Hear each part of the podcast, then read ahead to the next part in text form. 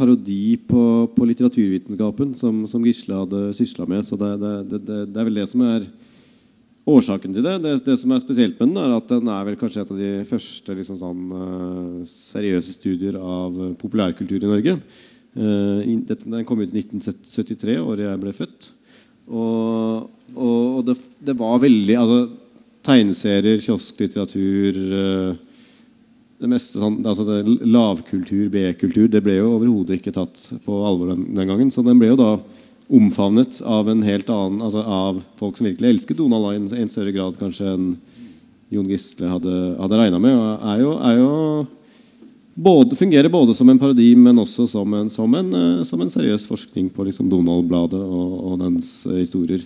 Og, og, det er jo litt den tradisjonen jeg prøvde å legge meg i. da, sånn i all ydmykhet. Dette er jo en norsk eh, sakprosaklassiker. Den var vel på, på, Dagbladets liste over de 50 viktigste sakprosautgivelsene gjennom tidene. Eh, men, men liksom den der balansegangen mellom, mellom parodi og, og hyllest og drøy forskning og, og eh, ektefølt kjærlighet til det man holder på med, da, så, så, så, har den dannet Den har vel dannet en slags skole for, for popkulturell eh, forskning i, i, Norge sammen med Kjartan Fløgstads eh, 'Loven vest for Pekos' og, og, og Willy Dahls sine forskninger på, på triviallitteraturen. Ja. Den, den eh, for en, del så er den en bibel. Ja, det er jo mange som tar den på alvor. og den, den er liksom, den er jo, altså Donaldismen er jo liksom blitt en forskningsgren. Det, det, den, den, handler liksom om Donaldisme handler, er, er både et uttrykk for det som, som er i Donald, men også, også, på det som skrives og, og forskes på om, om, Donald og Andeby. Så, så, donaldismen er blitt en vitenskap. Den er kanskje, kanskje, ikke helt tatt på akademisk alvor i Norge. Det er vel ikke, noen, det er vel ikke så mange offisielle oppgaver innenfor donaldismen, men, men innenfor eh, kvasiforskningen så står den veldig sterkt. Thomas, du blir omtalt som en uh, donalist uh, innimellom. Er det, stemmer det, eller vil du kalle deg selv en donalist? donalist altså, jeg har iallfall bakgrunn, en veldig, veldig, klar bakgrunn i donalismen. Altså, da jeg på gymnaset, var det noen som ble ML-ere. For jeg er litt eldre enn Øyvind. Eh, og vi var donalister. Så vi leste Jon Gisle, eh, og jeg var med i Vestfold Unge Venstre. Jeg bodde i Tønsberg. Og vi hadde studiesirkel. Så finne en bok av studiesirkel opp. Vi hadde studiesirkel om dualismen. Okay? Eh, og da vi var ferdig med den studiesirkelen, så laget vi vår egen fanzine. Så vi, så vi stensilerte opp. altså Det var den tiden man brukte svertestensil. Okay? Som het Ole Dole Doff som kom i A6-format. Det var veldig lite format. og Hvor vi hadde liksom, eh, tekstkritiske analyser av både det ene og det andre. Og hvor vi kjørte kampanjer eh, mot eh, det som da var hjemmet, ikke sant, som utga Donald. Hvor vi opplevde hjemmet som en ekstremt vulgærdonaldistisk institusjon. Og så er jo ting blitt mye bedre senere. Eh, og vi dro til og med Vi valfartet altså en kompis vi valfartet altså til Pål Jensen, som var den ledende norske dualisten på den tiden. Som bodde på Ski. og Vi tok tog og ferja fra Horten til Moss ikke sant? for å besøke Pål Jensen, eh, som da var redaktør for, for bladet Dualisten. Så, så det, er, det, er, ikke helt feil å, å, si. Det er helt klart at det, det er der jeg kommer fra. ja, så, vi, så, vi, kan rettferdiggjøre det at vi sitter her og snakker om Donald. Det er ikke bare vås. Det, er, eh, det kan ha en en ja. uh, viktig En dyp eksistensiell dimensjon for flere av oss. Ja. ja. men Det er godt å høre at vi ikke bare skal snakke om tull. Um, Marius, du er redaktør i Donald. Ja. Hvordan ender man opp uh, i den rare jobben? Da må man først gå en eh, Donald-skole. ja. Spør, er du medlem i Norsk redaktørforening? Jeg er medlem i NJ. Men ikke redaktørforeningen? Nei, ikke redaktørforeningen. Jeg er ikke det. Jeg er ikke det. Hvordan havna du i den? I den ja, det er suppa? Eh, mye tilfeldigheter.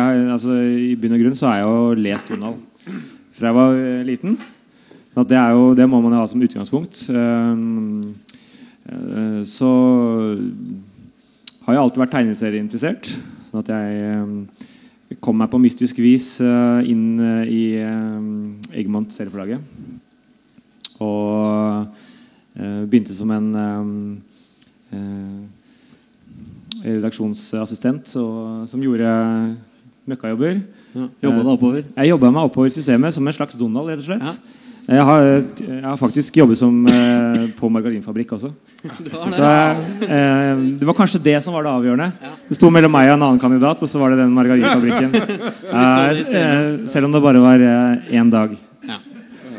men, um, det er også typisk Donald.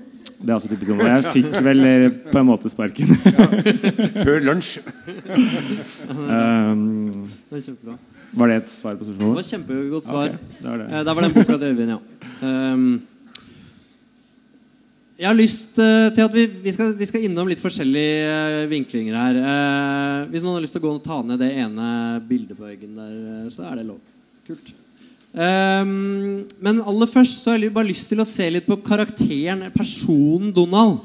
Legge Donald litt på uh, psykologi, uh, psykologbenken og se litt uh, på personligheten hans. Hva er det som er typisk for han? For, for vi skal diskutere kanskje hva som er grunnen til den store suksessen han har hatt her i landet. Og personligheten til Donald må jo ha noe med det å gjøre. Ehm, skal vi begynne med bare å prøve å definere han litt? Åssen menneske er Donald? Ehm, Han er vel en uh, ufyselig person med et stort hjerte. rett og slett. Han er, han er jo inkarnasjonen av de sju uh, dødssyndene. Eh, det, altså, han er Jeg må jukse litt.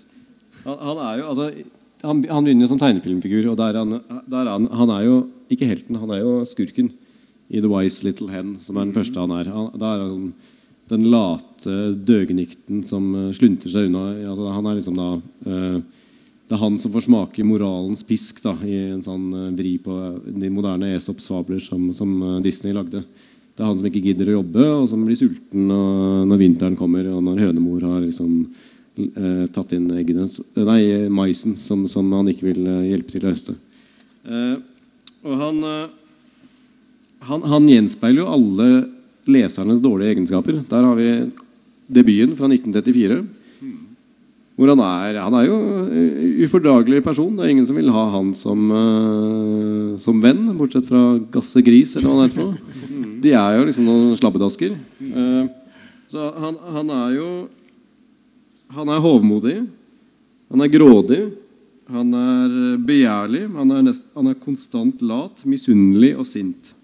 Han er vrengebildet av eh, kardinaldydene til de greske filosofene. Han er, hvis vi gjør han om til menneske, da, hvis vi, han hadde blitt transformert til et vanlig menneske i Norge Han høres jo ut som en skikkelig taper. Ja, men, men det som skjer, er jo at, at han, han går fra tegnefilmen. Han, han, han stjeler showet fra den prektige Mickey Mouse. Mickey Mouse er jo Walt Disneys eh, hovedperson. og han, det Hans alter ego Mickey Mouse er Walt Disneys egen oppfinnelse. Det han gir stemmen til han. Han er liksom helten. Opprinnelig så er han en del actionhelt som Douglas Fairbanks, en, en del Charlie Chaplin, men etter hvert så tar helteskikkelsen over. Og allerede vel i den andre eller tredje tegnefilmen Donald er i, The Band Concert fra 1935, så stjeler Donald showet. For han er mye morsommere. Han, han, eh, etter hvert så føler animatøren at det er ikke så mye de kan gjøre med Mikke. For han, er, han skal liksom bare redde Minnie. Han er, eh, I denne filmen så er, Mikke liksom den heltmodige dirigenten, mens det er Donald som drar historien framover. Hvorfor appellerer det så til oss? tror du? Vi liker jo antihelten. Eh, Ja. Det, det må jo være noen eh, svake sider med de vi liker. Så Donald vokser og vokser som, som figur. Og, og dette er jo også på, på 30-tallet, når, når hele verden ser ut til å eksplodere i et sånn Donald-aktig raseri. Så han treffer liksom tidsånden på et eller annet vis. Han blir jo en av de mest populære tegnefilmfigurene i USA lenge før han blir tegneseriefigur. Men, men det, det som er neste skritt er at eh, når han blir tegneseriefigur, så havner han da i, eh, i, i fanget til Carl Barks. eh, Den mest kjente Donald-tegneren, som også har jobbet med å lage tegnefilmen hans. Og, og han menneskeliggjør han mye mer, da, samtidig som han beholder de, de dårlige sidene. Og, og, men allikevel gjør han veldig menneskelig. Jeg, tror rett og slett liksom Barks er jo en sånn Donald-aktig figur selv. Han har hatt masse jobber, mislykkes med det meste han finner på. Han er jo godt og vel 40 år gammel. tror jeg. Han er over 40 år gammel når han begynner å tegne Donald. Så han, han kanaliserer liksom alle sine skuffelser og, og frustrasjoner inn i Donald-figuren. Jeg tror han identifiserer seg veldig sterkt med Donalds, der Disney identifiserer seg med Mickey Mouse. Men, men vi liker jo underdogen, så Donald er underdoggen. Bare en liten kuriøs detalj, siden du har bilde der av eh, eh, Latmannsklubben, er at eh, Gisse og Donald de møtte hverandre faktisk igjen etter mange år. Eh, i en Donald Pocket hvor begge var eh, på jakt eh, altså etter et hjemmested fordi de hadde noen fæle onkler som var ute etter dem. Altså, det var sånn onkel-nevø-prosjekt. Og vi vet jo hvem Donalds onkel er. Det viser at Gisses onkel er ingen annen enn ordfører Andengen. Okay? Så begge har onkler som er høyt oppe i Andebys hierarki. Og de ender da i den gamle, litt sånn forfalne husbåten. Eh, hvor de, hadde, hvor, de, hvor de hadde, levde herrens glade dager da høna kom for å spørre om de ville hjelpe til å, å, å, med, med, maisen. Men altså, jeg vil bare tilføye bare litt til det Øyvind sier. Altså, veldig, veldig fint, altså, Men jeg, jeg, jeg, betrakter ham også som en tragisk helt. Altså. Mm. Altså, jeg skrev en artikkel en gang i 1984 i forbindelse med 50-årsjubileet. Eh, og, og, hvor jeg, jeg er gammel, liksom, jeg har holdt på lenge med dette. her eh, Og Da eh, brukte jeg filosofien til Peter Wessel Zapfe for å kaste lys over Donald. For Zapfe mente jo det at mennesket er overutrustet. Det betyr at vi har et behov for en mening med livet som helhet. I tillegg til de behovene som alle andre skapninger har. Og Det betyr at vi strekker oss etter mål vi ikke kan nå. Og, og Donalds eh, karriere er jo opp som en løve og ned som en skinnfell. ikke sant? Ofte er det sånn at det han driver med, går ganske bra en stund. Men så blir han grepet av overmot, og så ender det i katastrofe. Altså Anne blir, blir liksom dekket av uh, barberskum. ikke sant? Supertankere synker. En by må skifte navn til omelett fordi innbyggerne Og de må sette fyr på den. ikke sant? Fordi innbyggerne vasser altså i eh, eggerøre opp til knærne etter at Donald har drevet en eggefarm oppe i lia. Altså det er den type ting. Så han er, vanlige, han er, en vanlig mann. Han er som en litterær helt fra den klassiske litteraturen. En vanlig mann som opplever merkelige ting. Han, han, er, han, er, liksom, han er Ikaros, som ja. streber for høyt og, og, og svis av solen. Men samtidig så er han full føniks, for han gjenoppstår jo alltid i neste historie. Neste historie er, Alt begynner jo på scratch i Andeby. det er det som er fascinerende. Alle historier begynner på nullpunktet. Det, det er alle, alle, fiaskoen fra forrige nummer forrige uke er, er glemt neste uke. Og det var faktisk den eh, danske poeten Dan Turell som kalte han for uh, sin generasjons fugl føniks. Mm. Det høres jo ut som en karakter som passer best for voksne, egentlig. Selger dere disse bladene til barn? Er det sånn, Marius? Vi, vi selger det til alle. Det er til hele familien, vet du, Flu. Ja. Um, ja. Nei, unnskyld. Det er um, den, den, den, karakteren som er sånn veldig negativ. Sorry, Marius. Det går bra. Vi har god tid, har? Ja, absolutt. Den, den veldig neg alle de negative egenskapene, da det er jo eh, det er jo ofte ting som man, man, får høre at man må ha med i en god, en god hovedkarakter. Um, er Donald forbilde for uh, liksom uh, andre vi setter høyt i samfunnet, eller som vi på en måte Ja, som utgjør en god som, som, det, blir, som det blir gode historier rundt, da, og som vi, som vi liker å sympatisere med? Eller, ja. Jeg synes altså Thor Heyerdahl har noe over, over, seg som minner om Donald. Altså Det, det ekstreme overmotet og den liksom helt, helt, urealistiske selvtilliten. Og overbevisningen om at alle andre som har drevet med det samme som meg før, har ikke skjønt noen ting. Det er idioter. Og se her, jeg kan gjøre det på en svært enkel måte. og, og, setter i gang med stort pågangsmot. Men det utrolige var jo at i forskjell fra Donald så fikk jo han med seg en masse investorer på dette her. og det ja, Donald, Donald er jo skrue. Altså, det, det, er, det, er, også jo, det er viktig forskjell på hvordan Donald oppfører seg hjemme i Andeby, hvor det stort sett ender i fiasko. Det er jo når han er ute på tur, ute på ekspedisjon, da, da, da ofte viser han liksom hvilken uh, mann eller and han er. Det, det, er da han liksom klarer å ofte å overgå brasene og, og, lykkes til slutt. Da. Selv om det allikevel alltid skjuler seg liksom en annen fiasko i bakgrunnen, sånn som i den berømte historien 'Eggmysteriet' hvor det ser ut som alt har lykkes. og Han har kommet tilbake fra ekspedisjonen fått med seg firkantegg og fått med seg firkanthøns eh, for å sette det i storproduksjon. Og så viser det at de har fått med seg to haner da, i siste liten. Mm. Første gangen jeg leste den, så var det i kjempeboka til, eh, til eh, Hjemmet, som ble gitt ut på 70-tallet. Og hva har de gjort for noe? Jo, de kuttet vekk den siste sida. Så det, det er, det, den ender med en happy ending. At uh, Donald og nevøene drar hjem med fangsten sin, og det er ferdig med den. liksom. For de er liksom kuttet, uh, kuttet den lille tvisten til slutt, som gjør at det alltid, alltid, nesten alltid går på trynet for Donald. Jeg må si at man, i hvert fall Som barn husker jeg, så var, det, så var det veldig viktig at det av og til gikk bra med Donald. Mm.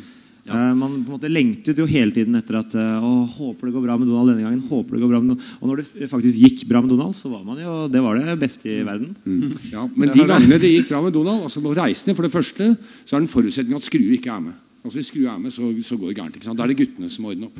Eh, og, og, for det andre, De gangene det går bra med Donald i Andeby, så har det ofte å gjøre med kjærligheten. ikke sant? Og Det, det viser jo også, som du sier, ikke sant, at han er en håpløs fyr med et stort hjerte. Fordi Anton er veldig heldig, men det er Donald som har Dolly.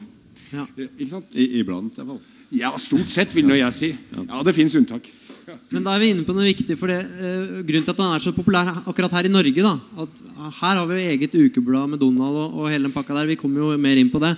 Eh, men hvorfor vi nordmenn liker Donald så godt Du var inne på det litt, Øyvind, med at eh, det er når han er ute på tur at han, eh, han liksom er eh, i sitt rette, rette element Det, osv. det som skjer, er jo at tegneserie-Donald fester seg jo enormt i, i Norge. Donald-tegneseriene med, med Carl Barks sin historie i spissen kom jo til Norge i 1948. Da nordmenn er fullstendig sultfòra på underholdning. Altså, alle tegneserieblad gikk jo inn under krigen pga. papirrasjonering. Så da Donald kommer, så er det veldig lite annen konkurranse. Eh, første Donald-bladet kom i et opplag på 40 000 på tross av papirrasjoneringen. Det fikk et unntak fra, fra det, som ble kalt Lex Donald. Eh, og, og er- kommer rett og slett til å dekket bord. Og, og det fascinerende er jo at eh, Donald-bladet i tiår etter tiår etter tiår hviler jo hele tiden på, stammen av Carl Barks historier. Og, og, og det vokser bare. I, i USA så har uh, Disney-serien en høydepunkt på 50-tallet. Hvor det selger eh, Walt Disneys Comics and Stories selger i millionopplag. Men så kommer TV-en på 50-tallet og, og, superheltene og, knuser Disney. Disney blir liksom aldri det samme uh, i, i USA igjen. Uh, så, i, så I USA så er det tegnefilm-Donald man husker på. Dette er den Donald som amerikanerne forholder seg til. Tegnefilm-Donald. I, I USA så er tegnefilm, nei, i Norge så er tegnefilm-Donald noe vi bare ser så vidt det er på julaften. Det det er veldig lite Disney-filmer på, på NRK. Mens eh, tegneserie-Donald selges jo i ufattelig opplag. Eh, det er jo alle ti år siden jeg tror det totale opplaget på Donald-bladet i Norge passerte 330 millioner eksemplarer. Og da kommer alle pocketbøker og album og bøker og sånt i tillegg. Så det er, liksom, det er Donald overalt. Eh, Så jeg har lyst til å lese et, eh, et sitat fra en amerikansk kulturprofessor som, som forklarer eh, valget mellom George Bush senior og, og Bill Clinton med, med Donald og mikkebriller. Og, og dette er en sammenligning som er, føles veldig rart ut med norske øyne. For det, fordi hun forholder seg til tegnefilmutgaven av historiene. For det, det er de som liksom er ikoniske i USA. Eh, skal vi se her Jo, eh, Sarah Elbert heter hun. Professor i kulturhistorie. Hun eh, mente Clinton vant valget fordi han er en mikketype.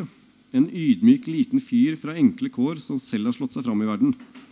Bush senior tapte eh, fordi han er en Donald Duck-type. En småfrekk, sjølopptatt og upålitelig type. Ikke særlig elskelig og flink til å skape intriger. For en nordmann så ville det være sånn utenkelig å sam- sammenligne Bill Clinton Eller det er som å sammenligne Barack Obama med Mickey Mouse. Og, og, og ja, hva, hva het han igjen? Eh, The Other Guy med, med, med Donald.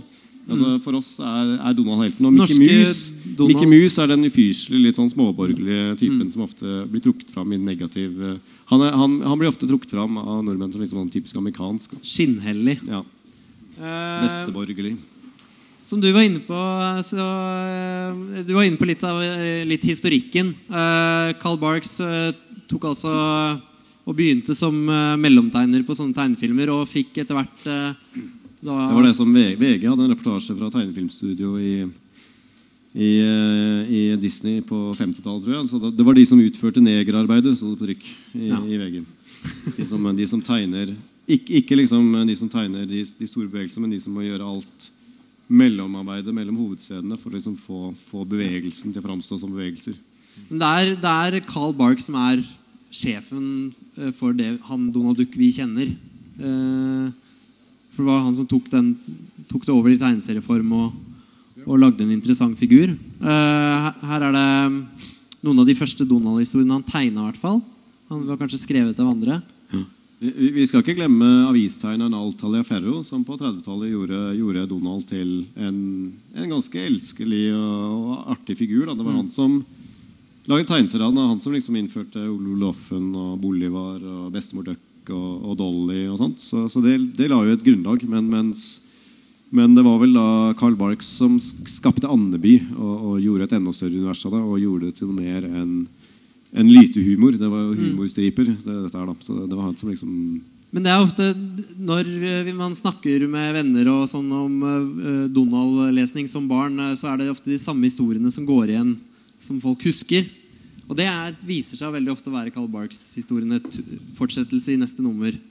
Uh, husker du uh, noe av det første møtet med Carl Barks uh, sine historier? Thomas? I, jeg vet ikke om jeg husker det første møtet med Carl Barks historier. Altså, den første, første historien jeg leste om, var, var til 1967 sånn der omtrent på den tiden jeg lærte å lese. Eh, men på den, ja, det var en, en som het Riveraceren, okay, som gikk omtrent på den tiden. Det var, en, det var en ganske kort parkshistorie, så jeg kan ikke egentlig tidfeste dette. Men det er jo noen historier som, altså det er noen fellesreferanser som går igjen. ikke sant? Mm. Sånn som den der radiokonkurransen. Det hadde jo ennå ikke fått TV. i Andeby, Det var en tidlig historie. Eh, hvor, eh, hvor, det stilles en masse spørsmål, hvor guttene er med, og Donald er med. ikke sant? Og Førstepremien eh, er en stor tønne med, med penger. Men først skal guttene inn, da, for de er små, så de får bare en liten tønne med penger eller en sykkel. Og så får de spørsmål av typen hvor mange haler har en hund. ikke sant? Hvilken farge hadde Napoleons hvite hest? Og de er dumme som brød, de kan ikke svare på noen ting. Altså klassiske svar er, og det er sånn som jeg pleier å ta hjemme ikke sant? Det kommer an på hunden. Og det, er bare, det er nok å bare si det, så skjønner folk liksom hva det handler om. Eh, og som ender med at Donald får spørsmål altså, om hvor mange liter vann som renner gjennom Niagarafossen i løpet av et døgn. Og så kan han svare på det. Men utmattelsen ved å svare på dette spørsmålet For det er veldig mange trillioner liter. da, Den er så stor at han eh, er helt tommelumsk når han er ferdig med å svare, og velger da eh, trehjulssykkelen i stedet for den store tønna med penger. Og denne serien, altså Det er også en standardreferanse. ikke sant? Man kan bare slenge ut dette i en hvilken som helst sammenheng i Norge, så vil folk vite hva du snakker om. Se, jeg kan sykle uten hode. Ja. Og så trekker, trekker matrosjakken over og sykler rundt på scenen. Eh, og Det tror jeg det er en av de første liksom, som, uh, som, har gått inn i på en måte mitt kulturelle repertoar. kan du si da. Men langt fra den siste. Det er et godt eksempel på Barks som humorist. Da. Det, er, eh, det er først og fremst utrolig morsomt. Og når man leser igjen som voksen, så er det en sånn der, eh, ganske sånn der, Hva skal jeg si? Ja? Uh, skrudd og ru eh, humor. Ja, altså der Annie Gelé med kremdott og kirsebær, f.eks. For eksempel. altså fordi saken er nemlig, Det er jo et geléfabrikant som er sponsor for denne konkurransen. da. Ja, ja. Altså De har masse gelé ikke sant, stående på scenen. Og så prøver Donald å hjelpe guttene å hviske svar. Og sånt. Og det er jo ikke lov, det er juks. ikke sant, Så kommer de og heller gelé over ham, så han er liksom innpakket i gelé. Eh, og så må de ta krem og kirsebær på toppen liksom for å dekke til ytterligere. Så det er en del slike scener da, som, man, eh, som man aldri glemmer. Nei, det, er, uh, det fascinerende med Barks er at man, man, de fleste da, vil jo ikke huske sin første Barks-historie, for han lagde jo ukreditert. Det var jo anonymisert. Så, så, så, egentlig så handler jo Barks-seriene om liksom første opplevelsen til folk av å liksom kunne skille kunst mellom industri. Altså for, det, for det, etter hvert så, så, skjønner man jo at det er til å begynne med så er Donald Donald. og det er gøy alltid uansett. Altså, etter hvert så skjønner man at det er noen historier som er bedre enn andre. men Og så må man liksom knekke kodene. Hvorfor er det bedre? Hva er det som er bedre? Hvordan gjenkjenner man det som er bedre?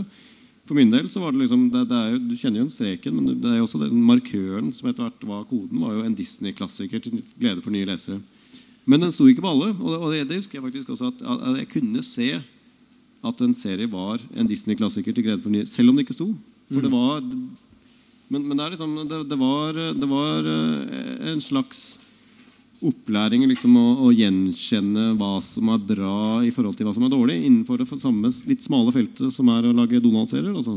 så det, er eh, Men Barks jobba hele, hele, livet for Disney da, uten å uten å eh, få noe særlig sånn Han ble jo ikke kreditert, og han fikk, ja, han fikk vel helt sånn grei uh, månedslønn. Og... Ja, han, han var frilanser og fikk betalt per side. Han fikk nok dårligere betalt enn de som skrev og tegna. De, det, det, var ikke noen sånn dobbel betaling for det. Og han fikk jo til og med ikke tilsendt de bladene han tegna for. De måtte altså skaffe seg eh, på ja. egen hånd. Så han satt jo liksom og produsert. Og, sånn er det jo fortsatt i dag. Det, altså, de får jo kanskje Donald, men, men, man, man, man, lager jo for, man, man lager jo Donald-historier for sidepris, liksom. Og, ja. og, og så, har man, så, har man, gitt fra seg alle rettigheter til det. Det er ikke noen royalties eller noen, noen uh, kontroll. Eller, altså det, det, er work for hire. Prisen var 40 eh, dollar for, uh, ja, for Barks, og den har steget siden det. Men ikke så mye. ja. Og du, du, var inne på litt i stad altså, Han hadde liksom Det var mye tragisk i livet hans som påvirka Donald som karakter. Eh, med vanskelig historie med kona og Ja, han hadde jo foreldre som var, eh, kunne vært besteforeldrene hans. De ble foreldre ganske, de var godt oppe i 40-årene når de ble foreldre. De drev en liten gård i Oregon. Eh, mora døde da han var ung. Faren fikk mentalt sammenbrudd. De drev jo til og med en sviskefarm som gikk, fall, gikk fallitt.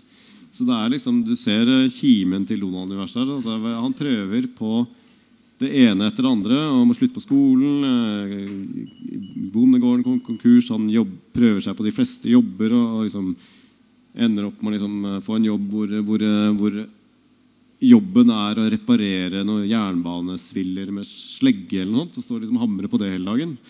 Og Samtidig så vil han hele tiden tegne, og, tegne på kveldstid. Eh, noe som irriterer kona, sånn at kona går fra han, og svigerforeldrene tar over barna. Så, så, han mislykkes jo etter hvert i det meste han prøver seg på, og tør aldri liksom å satse helt på tegninga. Helt til eh, depresjonen kommer på 30-tallet, og det rett og slett ikke er noen andre jobber å få.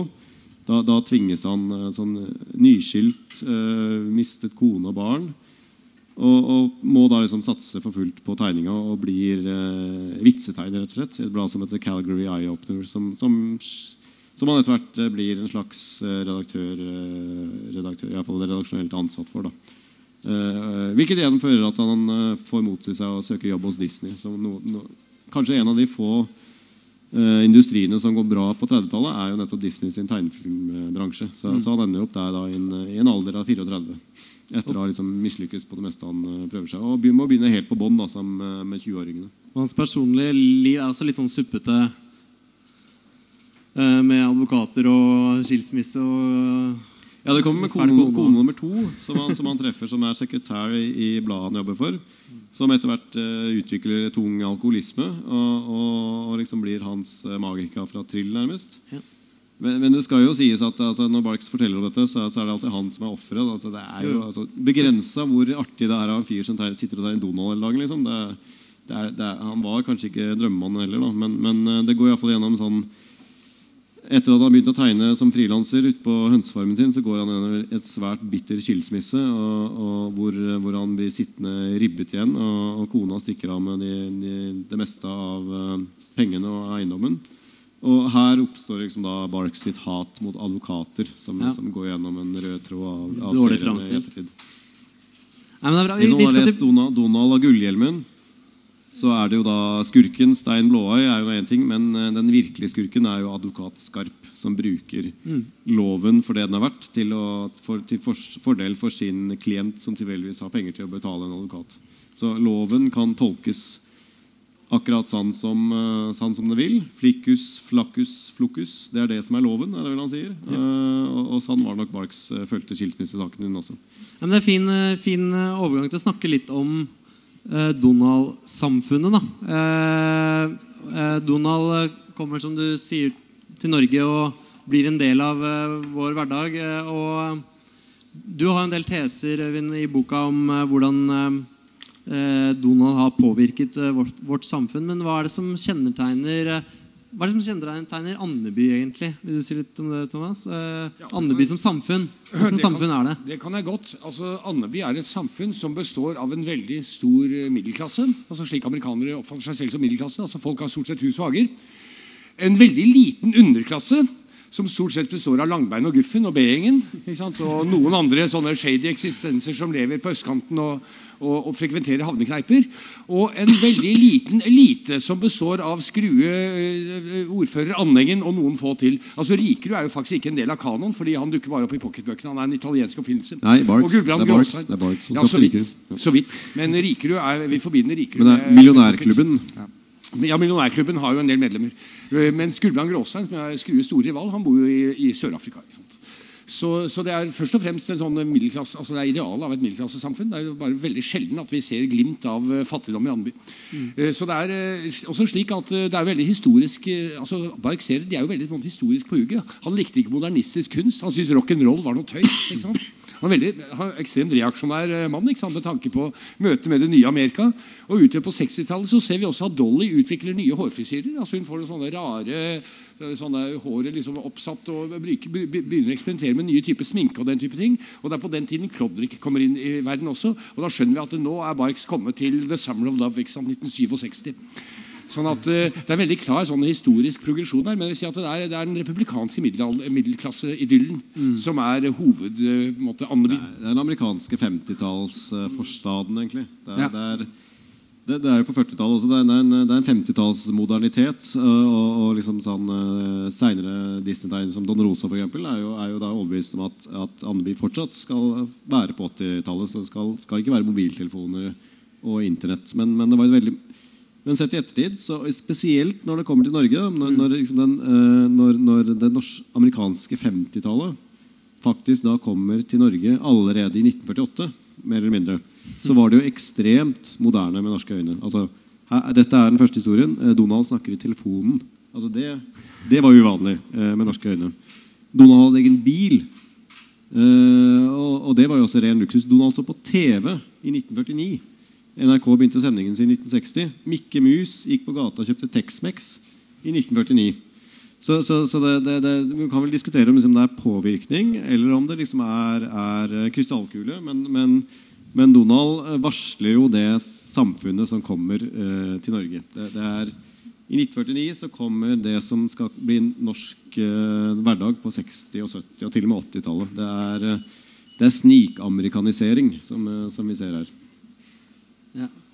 ja det, du har jo litt om det i boka di, at uh, vi som Norge som samfunn også er veldig sånn influert av, av Donald Alt fra økonomien til uh, kvinnesyn og uh, vi, vi, er veldig inspirert av det amerikanske, av USA. Vi er blitt ja. amerikanisert. Og, men amerikaniseringa kom først i Donald, både kronologisk ja, det kom allerede, Dette er jo før eh, rock'n'roll og Marlon Brando og, og, og lignende. Men, men, det kommer også så tidlig. Altså, vi, vi lærer, Donald er jo det første vi leser. Det er det vi lærer å lese av. Så, så det er ikke bare liksom 40- og 50-tallsbarnas første møte med amerikanske, men det er enhver generasjon barns første møte med amerikanske. Kanskje bortsett da fra på, på, på 90- og 2000-tallet, hvor, hvor, andre markører er tydeligere. Ja, jeg lurer på om jeg kan få skyte inn et spørsmål til Marius.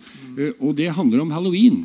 Fordi eh, Mitt inntrykk er det at halloweenfeiringen i Norge ville aldri ha tatt av uten Donald. Som kjørte en kampanje for halloween i flere år før barn begynte å kle seg ut og rope 'Kraskelig knep'. Og 'Kraskelig knep' kom jo også fra Donald.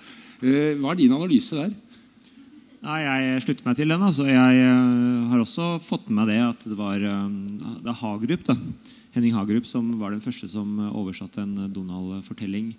Og brukte uttrykket 'knask eller knep' i, i en Donald-historie. Og Sannsynligvis så er det den første gangen befolkningen møter ja.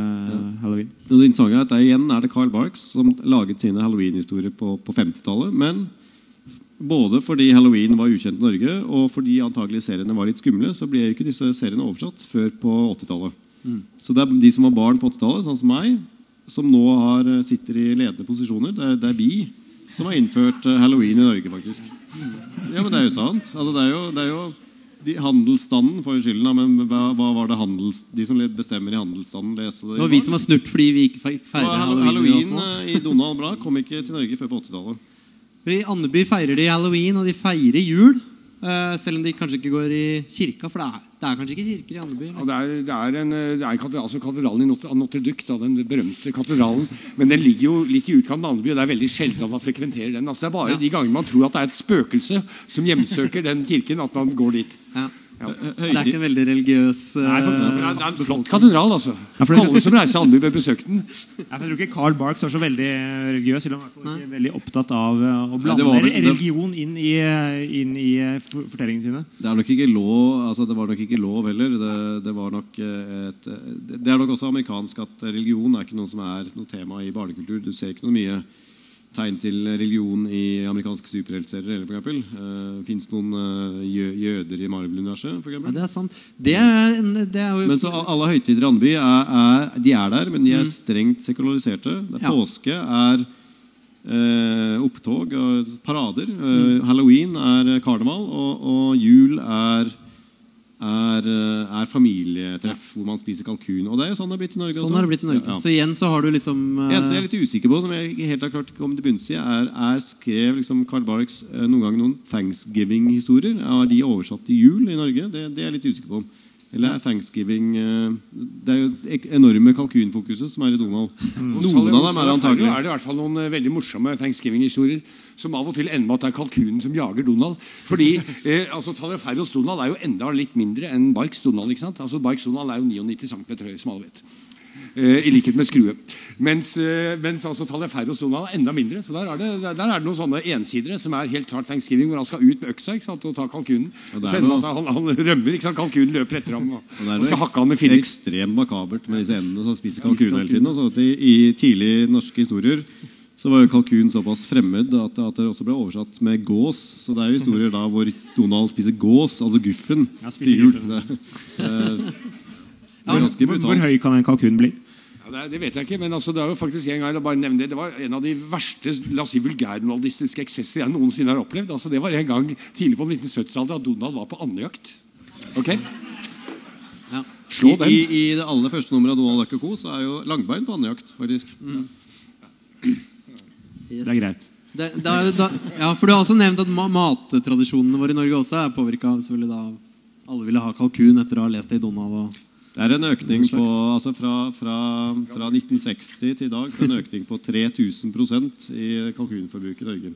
Nordmenn spiste ikke kalkun. Det var bare liksom overklassefamilier som spiste kalkun i, på 40- og 50-tallet. Og i, i liksom 59-60 så begynte norske eggesentraler å, å merke stor etterspørsel etter kalkun i Norge. Da, da hadde vi allerede fått noen, en god del eh, kalkunhistorier. Sånn- sånn For min del vi trumfet gjennom kalkun i romjulsmiddag i familien fordi vi hadde lest i Donald. Vi hadde lest rakettstekt kalkun, der hvor eh, det ender opp med at en kalkun blir stekt den, i stratosfæren, for den eh, blir stekt på eh, raketten som Donald kjører i med sitt nye drivstoff Donald Ditt. Uh, blir stekt i stratosfæren og spises da fornøyd på jul. Og ah, den, historien er nok da ene og alene grunnen til at vi begynte å spise kalkun i jula. Og den kalkunen manglet jo faktisk også et lår. Fordi eh, han, eh, den militære kommandøren som liksom overvåket liksom nødlandingen av raketten, han, var- han var så nervøs og så på tuppa etterpå at han, eh, han, han måtte liksom spise et eller annet, så han tok det låret da, før den havnet altså på middagsbordet til Donald. Jeg må bare si Apropos, eh, apropos mat og Andeby, så er i hvert fall jeg blitt veldig påvirket. Jeg husker Mikke Mickey Mus kokebok. ja. Det er på en måte en av altså, det første møtet med, med mat Ja. for meg. Altså. Andreas uh, kanskje ikke helt første møte med mat, men uh, som ikke var pupp. ja, men uh, Ikke fra pupp til Mikke Mus. Jo, man, ja, man faktisk prøvde å lage den maten her selv. Da. Altså, de, de stablene av pannekaker de er jo helt legendariske. Jeg får jo det vann i munnen av de fremdeles. De gigantiske stablene av pannekaker. Husker også mm, milkshake var det vel oppi der. Det var, uh, Kommer den fortsatt ut? Mikke Mus. det var iskremsoda, kanskje. Og så var det bananasplitt. Ja. Jeg, Brilles glaserte epler. Det var ingen suksess, husker jeg. nei, den eh, tror jeg ikke vi prøvde. Men cheeseburgere, det var lenge før McDonald's. Uh, Jeg har intervjuet Andreas Viestad i boka. Han, han har jo rangert Mikke Mus' kokebok som den nest viktigste kokeboka i, i sin, sin kokebokhistorie. Det er bare 'Consider the Oyster' er vel på førsteplass, og så er det Mikke Mus' kokebok. Nettopp fordi den var såpass upretensiøs. Det var, liksom, det, var liksom, det var ikke noen ernæringsmessige deler. Det var liksom bare snakk om god, enkel amerikansk mat. Altså, den kom ut i 1977. Det var cheeseburgere. Det var seks år før McDonald's. Det var, det var brownies. Det var grilled cheese-sandwicher. Det var, det, var liksom eh, også da en veldig krystallkule for eh, matvirkeligheten som skulle komme. Altså. Vi, vi begynte også å spise cheeseburgere på første juledag etter Mikke Mus kokebok. Fordi vi, jeg og broderen vi nekta å spise eh, lutefisk på første juledag. Så da ble det lutefisk og cheeseburgere i folie i ovnen samtidig. Og da, og da må jeg nevne hak Hakkespettboka som også var populær. Som mange har vokst opp med. Hakkespettboka var nok mer en, en litt skuffelse, for den, den kunne jo umulig oppfylle liksom, forventningene. Ja. Den, altså, den, den skulle jo romme all verdens vitenskap. Ja, så så Hakkespettboka har vi vel først fått med, med Wikipedia, tror jeg. Det, det er nærmest Det vi har kommet. Du glemte å lese mellom linjene. Der står alt. Men jeg lurer på en ting, Du har et, bilde, et veldig flott bilde der fra Andeby hvor vi ser Bingen og, og, og Cornelius Kvakk-statuen eh, nede ved elven. og sånt noe. Donald ser ut til å befinne seg hvis det er han, da, i en slags sånn Petter Smart-oppfinnelse. Uh, Kan du si litt om det bildet? Jeg vet ikke hva dette er. Jeg. Uh, vet du, uh, Marius? Dette er en oversikt over Andeby. Ja. Det stemmer, stemmer ikke helt med terrenget, for vi er jo vant til at Skrues binge er litt sånn litt Ja, øre- den er jo litt på en liten høyde ikke sant? Ja. på, på Daubilbakken. det er Faktisk, det jeg øverst på Daubilbakken. Dette er nok en av de andre-. Dette er nok en av de andre- lurte fra Alle eh, sammen snakker spanjolene. samtidig. Det er det jeg syns er så fascinerende med spesielt Barks. da I motsetning til Don Rosa så syns jeg Barks var veldig flink til å tilpasse Andeby etter hva slags historie han hadde på lager. Ja. Sånn at uh, Jeg det var også på føler at det, ikke noe det er da vi kommer skeivt ut når vi begynner å skal konstruere et nøyaktig kart over Andeby. For da forsvinner mye av uh, magien, kanskje. Ja, Barks brukte jo liksom bare uh, Han skapte jo figurer fordi han trengte dem og forandra på Ja. geografien. virkelig altså det var eh, Historien framfor alt. Altså det var eh, Virkeligheten var ikke så viktig. Juss i Andeby. eh, det er skurker, og det er, eh, og det er eh, hvitsnippforbrytere. Og, det er, eh, og det er for så vidt eh, en domstol og politi. Eh, eh, kan vi si noe om, eh, om, det, om det juridiske i, i Andeby? Har du, du har skrevet om det i, i boka di, Øyvind? Ja. eh, klunkus, bunkus, Det er skunkus. Bare å kaste seg på her. Det er jo da, altså det er, det er jo en uh, gjennomgående skepsis egentlig da, til, eh, til loven og lovens håndhevere som, som er det som går igjen. Altså, lo, loven er, er vilkårlig, den er drakonisk, den er tilfeldig. Altså, Donald og Skrue ender jo overraskende ofte i retten selv, liksom, og B-gjengen slipper unna. Eh, korrupsjon eh, eh, Ordføreren eh, driter i å forsvare forsvare pengebingen fordi han ikke vil ødelegge robotene som, som ødelegger bingen. Men med en gang, med en gang robotene ødelegger eh, dressen til ordføreren, så, så setter han inn uh, militæret. Uh, Donald og Skrue får jo altså Skrue kan jo få en par gullgruver i bot for å bråke i rettssalen. Eh, Donald blir dømt fordi dommeren har, eh, har eh, punktert på en glassflaske han har punktert. Det er, det er en veldig veldig skepsis til eh, den, den tredje statsmakt i, i Andeby. Og, og dette bunner jo igjen da, liksom til, til Barks vanskelige forhold til advokatverdenen, tror jeg. Det- Men, ja, og Det er jo også et faktum at noe jeg ofte har stusset over, altså at det ser ut som forbryterne når de har gjort noe gærent, så går de rett i fengsel altså uten lov og dom. Og blir sittende helt til de rømmer. Ja. Noe de, noe de jo gjør relativt ofte.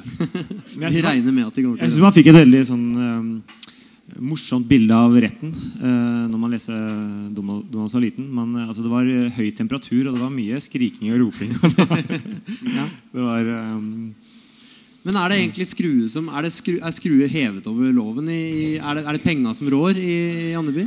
Ikke helt, fordi han, han er jo, han er jo Andebys største skattyter. ikke sant? Og Derfor er jo også ordfører Andengen Han har en egeninteresse i å holde seg inne med Skrue. fordi det, skrues, altså fra, Skatteinntektene fra Skrue gjør det jo mulig å holde skoler og sykehus og den type ting gående.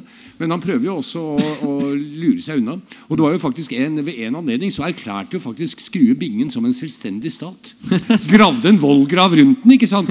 Og, og heiste noen sånne middelalderflagg og, og, og, og, så videre for å slippe å betale skatt. Og det er det faktisk Det var en SV-politiker i Os kommune, Terje Søviknes, som gjorde akkurat det samme. Det er mulig inspirert av Donald. Ja da, det er, det, er, det er fullt mulig å tenke seg slik, men det gikk jo gærent. da, og der, og der fikk vi også en leksjon om hvor viktig det er å la oss være en borger av en stat. fordi eh, det var ingen som kunne beskytte ham når beingen og Magika angrep. ikke sant? Altså, man, man var ingen å gå til, ingen å klage til. Og man fikk ikke engang innreisetillatelse hvis man ville ut og kjøpe noe i butikken. Men politiet og loven er stort sett inkompetente i Andeby. Det er som regel privatdetektiven, om det er Ja. Mikke Mus eller Ole Doloffen, det er de som ordner opp i, i, i brasene. Så, så, så det er en, en dyp skepsis lov, til lovens håndhevere som, som ligger til, til grunn. egentlig. Vi kjenner jo kanskje litt igjen Og heller ingen, ingen, som, ingen som forbedrer seg. Skurker er skurker. øh, Og forblir den eneste i Andeby som prøver å forbedre seg, som prøver å gå vekk fra kriminelle løpebanen, det er Bamse Brakar.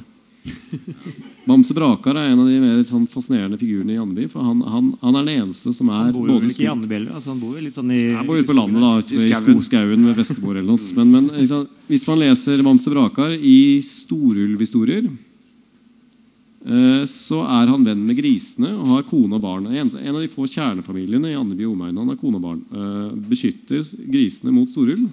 Men så leser man en langørhistorie. Og hva gjør han da? Da er han ute med en Mikkel Rev på kaninjakt.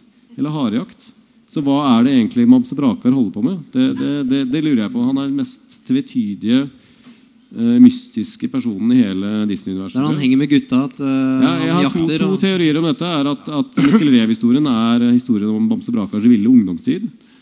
Eller så er det at Langøreskogen er et annet sted. og Da drar han på sånne gutteturer sammen med Mikkel Rev og, og, og, og slår seg løs og liksom er, kjøper horer og fanger kaniner. Men det, det er litt uklart, det hele. Altså. Han er familie. Det er en mørk hemmelighet hos Bamse Brakar som eh, dette, dette, er min pitch til Donald-historie i konkurransen. Ja, du får skrive det. Bamse Brakars mørke hemmelighet. Det er ingen som kjøper horer i Andeby. Nei, men dette er i skogen. Ute i skogen. Der er alt lov. Dyrene Og det er de eneste som har lov til å ha kone og barn også. ja For i Andeby så er det bare nevøer og Det er jo Jon, Jon, Allerede Jon Gisle lanserte teorien om at Minnie Mus er luksusprostituert. Hvor får hun ellers uh, hva, hva er det hun jobber med, egentlig? Hvem forsørger henne? Har noen sett Minimus Mus gjøre et ærlig arbeidslag noen gang? Nei? Uh, vi kjenner jo igjen uh, onkel Skrue, kanskje. Den type millionær uh, igjen i våre egne millionærer her i, eller milliardærer her i Norge. litt med det at det er, ja, han jakter kanskje ikke etter velstand, eller hva er det han skal med alle disse pengene? Det er mer en slags et, en idrett det å drive og og, og samle penger? Fetisj, fetisjisme. Pengefetisjisme, rett og slett. Ja, Men det er noe mer òg. Og, og det er helt åpenbart, og det viser jo også hvor Barks hjerte ligger. ikke sant? Altså Barks hadde veldig sans for Skrue. Og, og Skrue er jo den perfekte kapitalist. Han driver med verdiskapning uten å sløse. Eh, altså Hvis man tenker liksom, i tråd med gjengse ideer om utvikling og industri og fremskritt Han produserer tusenvis av arbeidsplasser eh, og forbruker nesten ingenting selv. Det eneste som er litt synd, er jo at han ikke investerer noe særlig av pengene. Så Det er det eneste som bryter med kapitalismen. Men du har jo denne historien du, hvor, eh, hvor alle pengene forsvinner. altså De blir spredt ut for alle vinner. Og ingen gidder å jobbe, for alle har en million hver. Så de bare stenger sjappa og legger seg i hengekøye. og sånt Men Skrue fortsetter å produsere mat på gården sin. Da. Altså Egg og poteter og ting som folk trenger. Og i løpet av kort tid har han alle pengene tilbake. Altså I Andeby skjer ting veldig fort. Det må vi også huske på Og, og Andeby-folk er veldig de, de, hopper på all slags nymotens ideer veldig raskt. Altså. Ja, alle må ha dette ikke sant? hvis det kommer et nytt produkt på markedet. Så alle skal ha det, ikke sant? Og i løpet av et par uker så, så skjønner de at det ikke var noe, og så har de blikket vendt i en annen retning. Altså De er ekstremt, ekstreme moteslaver i Andeby. Og Det gjaldt også her, og det var det Skrue som tjente på fordi han fortsatte å jobbe. Ja. Så der har du denne, liksom, han, Det er noe sånn veldig amerikansk og uramerikansk over også det som eh, Øyvind snakker om med skepsisen til rettsvesenet. Mm. Den, den, individuelle, the rugged individual, ikke sant? Mm. som Barks helt klart var uttrykk for. Han er født i 1900. ikke sant? Eh, på vestkysten på en tid da vestkysten ennå ikke var helt integrert i eh, hoved-USA, som var østkysten. Det, det, er vel en, altså, det er vel spørsmålet spørsmål om, om Kalisoto, staten til Andeby, har rett og slett ristet seg løs fra unionen og Forente stater. Altså det er aldri snakk om noen eh, sentralmakt her. Jeg, jeg, tror de er i sin egen stat for lenge siden. Ja, og De har jo, de har jo sin egen delegasjon altså de har jo sin eget, uh, egen delegasjon når det er OL, f.eks. Ja. Da, da representerer du Andeby. Du representerer ikke noe annet land. Så de har ristet seg løst fra De forente stater altså det for lenge, lenge siden. Hvilke eh, karakterer i, i, Hvis vi tar liksom andedelen av eh, Andeby, da. De glemmer Mikke og disse her. Uh, har dere favoritt, personlige favoritter blant disse endene? Marius, har du uh, en du ja, det, er, det er jo kjedelig å si Donald, men det, jo, det må jo være Donald. Jo. Ja. Nei, hva, din, uh, hva, med bifigurene? Er det Som liten så var det se, ja. Skal vi se på det? ja, du kan si det du skulle si. Frøken Vable. Frøken Vable er alltid en drøm. et godt øye til frøken Vable. Alle har vel et godt øye til frøken Vable. Det er ganske få dameender i ja. Den eneste det er noe tak i, er Magica. vet du. Ja, men, men eh, der, der, må jeg få lov til å skyte inn at mm. dette, er, dette er litt sånn urettferdig sett med, for det, Nå ser vi med 2012-briller. Jeg hevder jo at eh, Dolly Duck er, er jo På 40- og 50-tallet så var, var, hun et feministikon. Hvis mm. du sammenligner med populær, populærlitteraturen ellers, så, så handla jo stort sett all, nesten alle kvinneskikkelser i, i uh, kioskromaner og, og, lignende tegneserier de, de, Deres eneste mål var å gifte seg, og gifte seg oppover sosialt sett. Det var liksom mm. gjennomgående i, i en ukebladnoveller helt opp til 80-tallet, tror jeg. Mens Dolly hun er jo en selvstendig and. Hun, eh, hun, eh, for henne så er det ikke noe, noe, mål å gifte seg. Hun er eneforsørger for sine tre nieser og kan liksom flørte litt med Anton. Altså, hun er liksom sex- og singelliv-generasjonen i, i 19, på 40-tallet. Og det var ganske radikalt på 40-tallet, altså, i, i en barnetegnserie. Så, så Dolly, ja, er, er- Dolly har fått litt uh, ufortjent dårlig rykte. Ja. Men hun er nokså hjernedød på sin måte også. Hun er, hun er ganske irriterende fordi hun er så opptatt av tomme statussymboler. ikke sant? Altså Hun vil gjerne inn i fiffen. Eh, og, og hun lar seg imponere av hjernedøde muskelbunter. Eh, og, og det, er, det er en rekke sider. Og, og hun, hun vil gjerne gå på foredrag med sånne skjeggete professorer som snakker alle andre i søvn, bare fordi hun tror det skal være sånn. ikke sant? Men Modernistiske poeter Ja, men sånn som deklamerer meningsløst. Nei, hun drar med seg Donald, og Ja, han er eh, også kjemper sånn. for seg våken. Donald er også en sosial streber. Han Ja, da, på på også- sin måte er han det, men han har tross alt litt enklere ambisjoner. Men for å svare på spørsmålet ditt, altså jeg vil si at altså jeg har alltid vært svak for Guffen, men ja. Petter Petter er en ålreit fyr. Han har jeg alltid likt. Der er Ja, der har vi Guffen, ja. Som Ja, rolleforbilde. Ikke så lett å altså er, alle, Vi har alle noe å strekke oss etter, og i mitt tilfelle så er det dette her. Ja. Du ville være mer som Guffen? Kunne godt tenke meg det. Kroppslig. Pet, men Petter er også en fin fyr. Uh, ikke sant? Han, uh, han er også alltid Ja, der har vi ham, vet du. Der, der, er vi, der er det mange, mange i Norge da, som, uh, som blir kalt for, for Petter Smart. Ja. Jeg skal bare legge inn en sak i forhold til Ja. Eh, damene i Andeby. Så, så, så syns jeg vel egentlig at, eh, at jenter generelt vil, eh, kan være glad for at, at man ikke er mer representert i Andeby. Fordi altså, De fleste figurene som er i Andeby, er jo, det er jo noen raringer. Altså Det er jo noen karikaturer. Det er, det er, man kommer ikke heldig ut hvis man er med i Andeby. Det er det vi har prøvd å representere her i panelet. Og, liksom, antall kvinner i forhold til Andeby.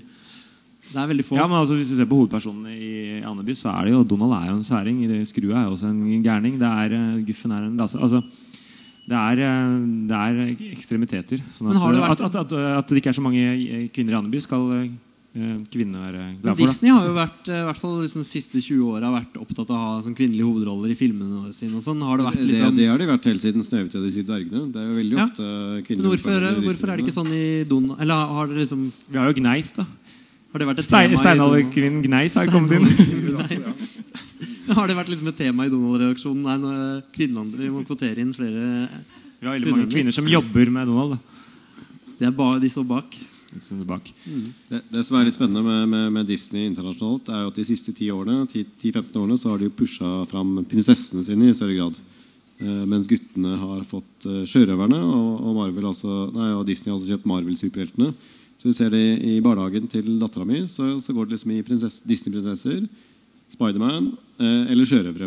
Eh, så, så Donald Duck og co. er litt mer sånn unisex. Er, er skvist litt bort. Ja, vet man noe om det i forhold til le altså, Donald Duck har solgt utrolig mye på det meste. eh, Og vet man noe om det om, om det var både gutter og jenter som, som leser? Ja, det var det. og det var det. Og det er det fremdeles. Det er Ja. mange gutter og jenter eh, som leser Donald fremdeles. Også jenter. Fordi, og jeg merker det på min egen jente, som er fem år. Ja. Og det har ikke noe med at jeg er Donald-redaktør Ikke noe påvirkning i det hele tatt. Ja, men jeg føler at hun eh, på en måte kan eh, fanges av eh, karakterene, uavhengig om de er jente eller gutt. Ja, men og det er- men historiene, mitt- at de er gode. Mitt inntrykk er jo at Donald-historien har vært litt som Selv om vi da vet at det er få kvinnelige ender der, så, så at de er veldig sånn unisex da, Mm. i uttrykket. Og bladet også har ikke vært spesielt sånn guttete. Ja. Eh, Men nå, alt som kommer ut nå, er jo ofte veldig sånn målrette Eller sånn målgruppefokusert. da Mm. Mens eh, Donald prøver å ta, ha begge. Ja, altså jeg føler at eh, altså, Kapasiteten til Donald-bladet er jo altså Det er jo historier for alle, for både gutter og jenter. Eh, Det er klart at det er nok flere gutter som leser eller Vi vet at det er flere gutter som, enn jenter som leser Donald-bladet, men, men jeg føler at disse, disse historiene er eh, Den stygge sannheten er jo at det er flere voksne menn enn gutter og jenter. som Ja, det er jo interessant. Ja. Ja. Men eh, ok, vi har et bilde opp av Petter Smart her. Ja, Skal vi- jeg har lyst til å si noe om Petter Smart. Petter, jeg, tror det finnes, jeg tror ikke det finnes en knatt i Norge som ikke har sin egen lokale Petter Smart, som utropt av lokalpresten. Jeg har, et lite appendix i boka som går nettopp det. Jeg skal ta noen eh, norsk eh, Jørgen Kvaleid med, Nei, Petter, to, Petter Solberg ble da av Dagbladet i 2003 utropt til Norges første Petter Smart. Eh, og det, det var kanskje den, den mest største feilen Dagbladet noensinne har skrevet. For det, det er så mange Petter Smarter i Norge at du aner ikke. Vi har, vi har Jørgen Løvseth, som omtalt av NTB som gynekologiens Petter Smart. Vi har Halvard Hanevold, som er skiskytingens Petter Smart. Vi har eh, biologen Ari Leg, er naturens Petter Smart. Det er skeletonkjørere, har sin egen Petter Smart. Det er Snorre Pedersen. Det er ishockeyens Petter Smart. Det er Petter Thoresen. Petter Smart fra Kalfjord. Petter Smart i Harstad. Norsk mediepolitikks Petter Smart. Det er Einar Førde.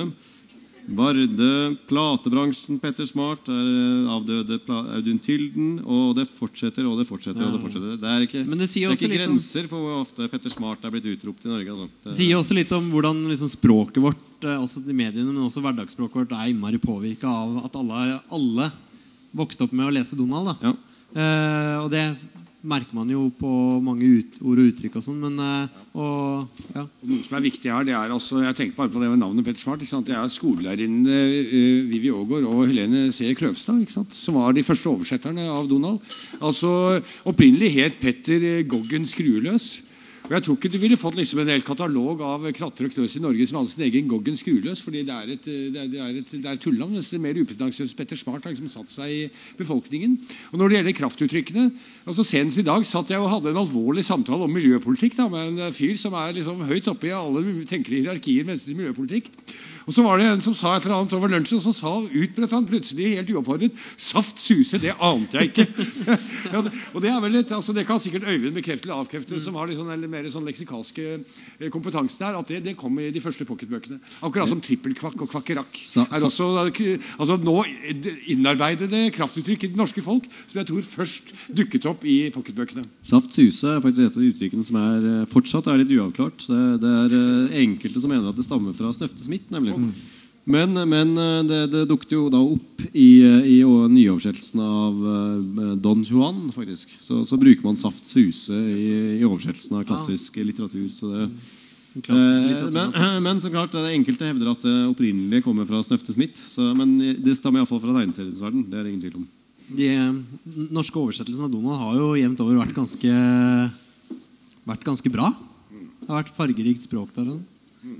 Kan du si noe om hvordan dere jobber med det nå? Ja, men fremdeles er det jo Vi legger jo kjempemye vekt på akkurat det. Mm. Uh, vi har uh, fem-seks fem, oversettere som uh, oversetter enten fra da, hollandsk eller fra engelsk.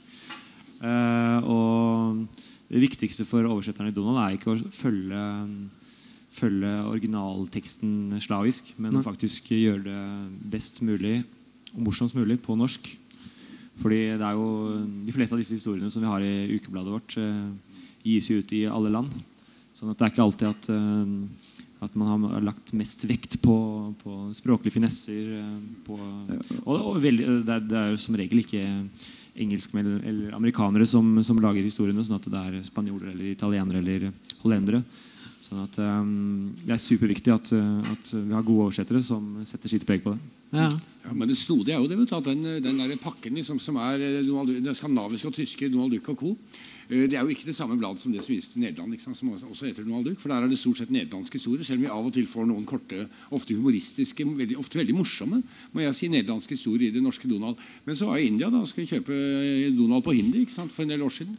Og jammen var ikke det. Det var Egmont-Donald. altså. Det var, eh, det var, det norske, eller skandinaviske Donald som var oversatt til hindi. Det var ikke det hollandske og ikke det italienske. Så hvordan dette her foregår, vet jeg ikke, men det vet kanskje du om. For det syns jeg er litt fascinerende å tenke på. At her er det tre kraftsentre i den dualistiske verden. Det er Milano, ikke sant? så er det Amsterdam, og så er det liksom India. Eh, hva? Nei, ikke India. Nei, og så er det København. Men hvordan i alle dager foregår, foregår det? Er ikke, det er ikke lenge til før eh, Disney begynner å sette ut uh, nolalskrivinga til India. Så det er ikke noen ideer der nå, men, men det er jo Eh, jeg har akkurat snakket med mannen som har norsk rekord i Donald-historier. Han sitter oppe på Skøyenåsen og skriver og tegner manus på engelsk. Sender det til Nederland, hvor det da blir oversatt til nei, Det blir sendt til en tegner et eller annet sted i verden, så oversettes det til nederlandsk. Og før det da igjen oversettes til norsk igjen fra, fra nederlandsk. Så, så, det er jo en, eh, kan jo være en sånn avansert form for viskelek etter hvert. Men, men originalmanusene er jo, er jo nett, kanskje nettopp derfor ikke så veldig språklig kreative. For, for, det er stort sett historien og, og liksom framgangen som er der. Så, så, er det faktisk da opp til oversetterne å, sette inn liksom den språklige susen i dette. Da. Så det, det, er det, det, er mer snakk om en gjendikting eller, eller liksom det, det, overs, Oversetteren tror jeg har ganske sto, store muligheter. Da, og det, kan liksom slå begge veier. At det kan bli veldig flatt eller kan bli veldig kreativt. Mm.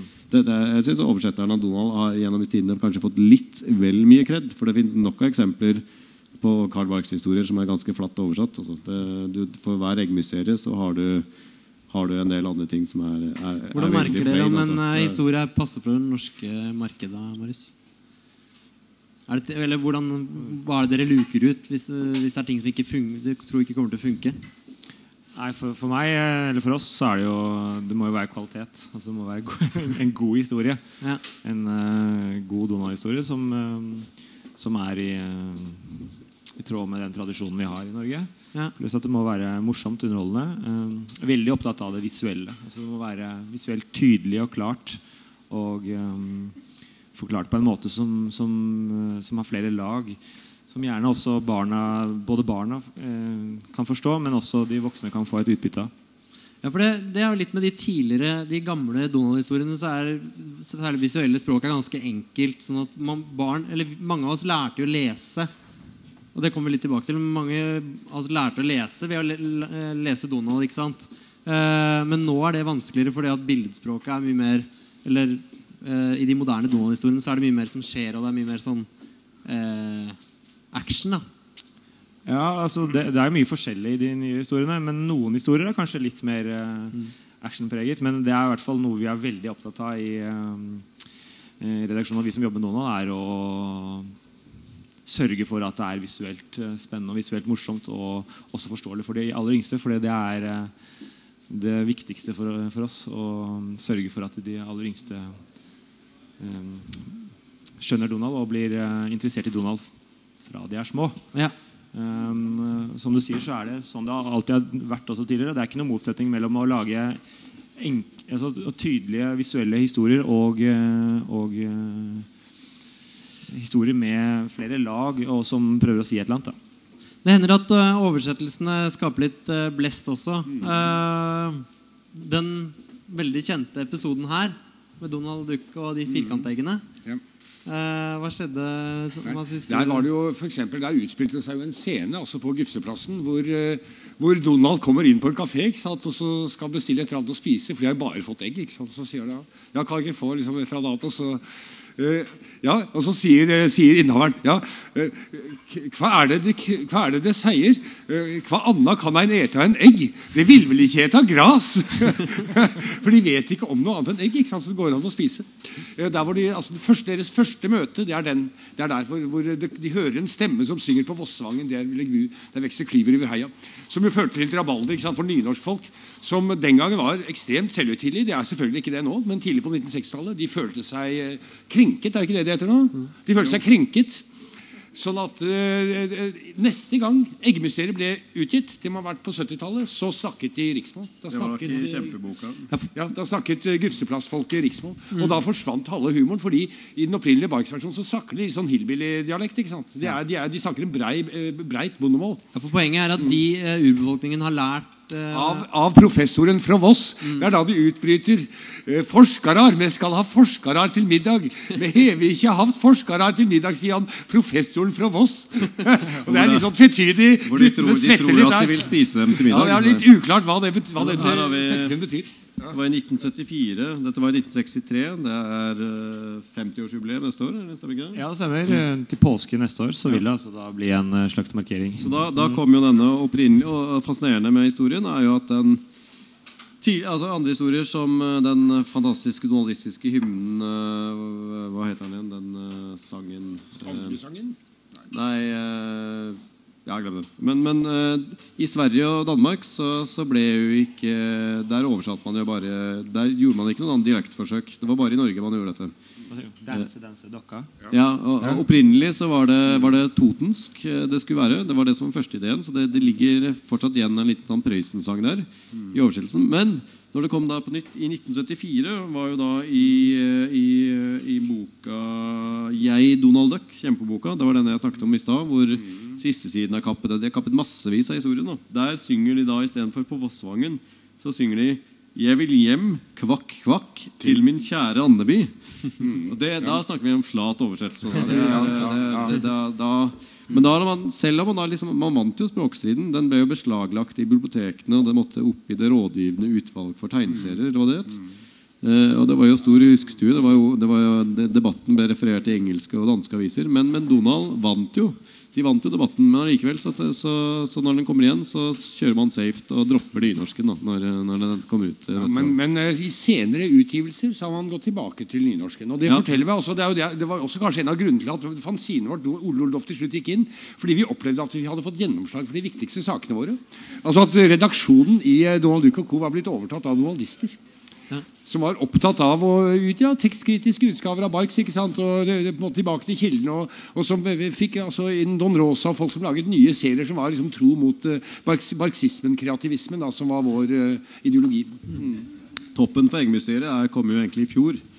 Da Nasjonalbiblioteket ba publikum stemme fram 100 forskjellige gjenstander og minnebilder til utstillingen 'Nasjonens hukommelse'. Da vant firkanteggene. Eggemysteriet vant Ja. hele avstemningen. Altså Det var foran EF-avstemningen i 72. Henrik Ibsen, kvinners stemmerett, utvandringa til Amerika og Norge som aldernasjon. Så den sitter Så- i bevisstheten til Så den, den toppet lista. Det, det er mulig at det var et lite donaldistisk kupp i avstemningen. Det, jeg skal ikke se bort fra det, men, eh, men allikevel. Den, eh, en, annen, en annen historie som alle tror jeg husker, er uh, Jul i pengelens. Og den kommer jo ofte også som uh, Når det er jul, så kommer den som eget hefte. Jeg vet ikke om den er ute i år. Ikke i år, tror jeg. Nei, den kom i fjor. kommer regelmessig sånn innimellom. Mm. Eh, og den er stadig aktuell for oss eh, her hjemme. Eh, Den, den er også blitt sensurert i norsk utgave, hvor man liksom tok vekk alle disse triste, fattige barna. Det var en, en versjon hvor det eneste gangen du så barna, var da de fikk julepresanger på slutten. Ellers var alt annet det ble for sterk kost for norske barn. Men eh, det er jo ja, det er ikke ofte man ser for, for, for Dette er gettoen i- Andeby. Den ser du ikke ofte. Altså. Det er, men i, i nye Carl Barks julehefte så er det en av de få andre historiene hvor altså, Barks dro jo fram Han er jo en som bare drar fram folk når han trenger dem. Så liksom den dickenske fattigdommen Den bruker han bare i jula. Ja. Så det er, det er jo en lignende historie her når, når Donald og guttene skal til bestemor, og så kjører de seg vill, og da kommer de hjem til en fattig familie. Så er ikke den i årets julehefter.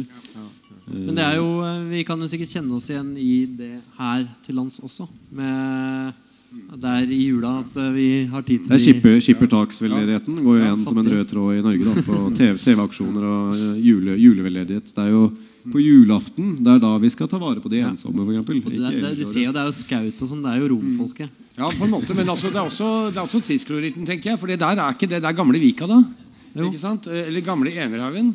Før innbyggerne fikk eh, flotte, hygieniske, romslige toroms familieleiligheter på Sinsen. Ja. Skal ikke glemme den delen av vår historie heller. Men jeg, holdt et foredrag for norsklærere, og sånt, og nettopp, og da, da var det en eh, eldre lærer i 50-årene. Han, eh, han kom opp og snakket om denne, for den, denne hadde han, han lurte på når den sto på trykk. Og det stemte akkurat med barndomsminnene hans. Den har gjort et uutslettelig inntrykk på han da, som barn. og Det var da antagelig hans første møte og innsigelse om at det, var, det fantes fattigdom i verden. Nei, Det er en klassiker. Eh, Jeg hopper over Hans zombien eh, foreløpig. Eh, Og Gullhjelmen. Ja, det, dette, er, dette er danskenes variasjon av, av eggemysteriet. For når eh, Danmark, eh, konservativ regjering, skulle en, lage en dansk kulturkanon over de viktigste danske bidrag til kulturhistorien, så var det jo én litt merkelig valg, og det var Donald Duck og Gullhjelmen, som var det eneste Ludvig Holberg, som vi gjerne kaller som norsk, eh, var jo også med. men Donald Gullhjelmen var det eneste som ikke var laget av en danske. Da, som fikk plass i den danske kulturkanonen. Så, så, så det skapte også stor debatt i, i Danmark. Dette er danskenes uh, vri på eggmysteriet. Den, den, den står så sterkt i dansk historie, og også i norsk. For den, den, jo, den starter jo omtrent på Vikingskipmuseet. Så, så den, den er liksom en av de som virkelig har liksom gjort eh, Donald til et ikon i, i, i Norge. Vi, vi begynner å nærme oss eh, slutten. Eh, Jeg lurer på om jeg kan be om uh, å få uh, samlet inn hvis det er kommet forslag til konkurransen vår om å komme med en pitch til en Donald-historie. Så kan dere komme, bare levere de opp hit. Um, Så kan vi jo ta en liten avstemning på det helt til slutt. Takk, takk. Um, ja. Vi burde sagt litt om det. Jeg veit det er Don Rosa-fans i salen nå. Um, han tok jo over på en måte Det er han og Bark som har vært de to store liksom, kjente tegnerne av Donald. Uh, og så er det selvfølgelig mange andre, men det er de to som har vært de største. Uh, og han er jo kjent i Norge. Norgesvenn. Um, er det feil å Altså, alle er kanskje Alle som liker Barks, har vel også et godt forhold til Rosa, kanskje. Uh, er han litt sånn hvis, hvis, Carl Barks er Roy Orbison, er han her Don Rosa er Chris Isaac? Så jeg, jeg tilhører dem som Altså Jeg må si at altså jeg tilhører dem som ikke er så forferdelig glad i Don Rosa. Altså jeg synes Han har litt stiv strek, og det sier han jo selv også. Han sier jo selv at han ikke er så forferdelig god tegner. Det er ikke så mye bevegelse. Det er mer bevegelse i tegningen til Arild Midthun f.eks. Uh, som er mye, mye, mye mer fartsfylte, mye mer dynamiske. ikke sant? Hvor det er liksom mer liv. Uh, men det, det, innrømmer Rosa selv også. Uh, og jeg personlig må jeg si, har mer egentlig sans for de som er litt sånn underfundige surrealister og humorister. Sånn som William van Horn, f.eks. Han, han liker jeg. ikke sant? Noen av de nederlandske. Surrealistisk humor. Med, gjerne i lite format, uten disse her episke reisene hvor de skal ut i mayabyer og, og, og, den type ting. Altså, hvor mye av handlingen kanskje foregår i Andeby eller Dalsøka innafor, og hvor de opplever rare ting. Men juryen er selvfølgelig delt på dette. Don Rosa kom jo på veldig riktig tidspunkt. for det var jo akkurat på, på Han kom på tampen av 80-tallet, hvor, hvor det virkelig begynte å bli økt oppmerksomhet om hvem som faktisk hadde laget Disney-seriene. Og han selv så, så, falt jeg jo pladask da jeg tilfeldigvis snubla over Det var et amerikansk forlag som het Gladstone, som, som var litt sånn Disney-feinschmeckere. Som, som, gjorde at jeg fortsatte å lese Disney-historier selv om jeg liksom ble 16 og 17 år. Og, og, falt jo veldig for Don Rosa fordi han liksom tok opp arven etter, etter Barks. Men han er jo litt sånn som en sånn 90-tall altså, han, han er jo veldig retro. da Han er jo som et retroband. Ja.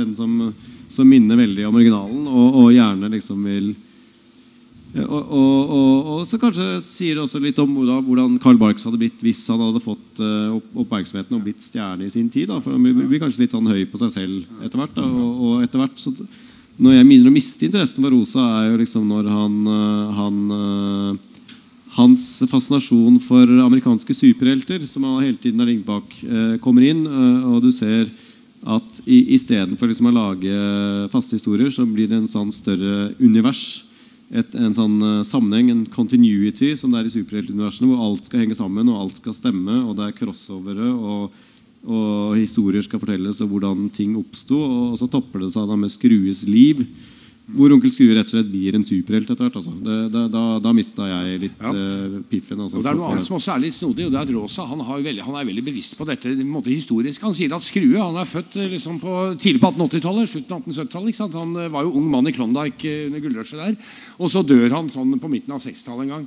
Og Det betyr at i Don Rosas historie er det ingen mobiltelefoner, det er ingen moderne datamaskiner. ikke sant? Altså, det, er, det er USA på 1950-tallet.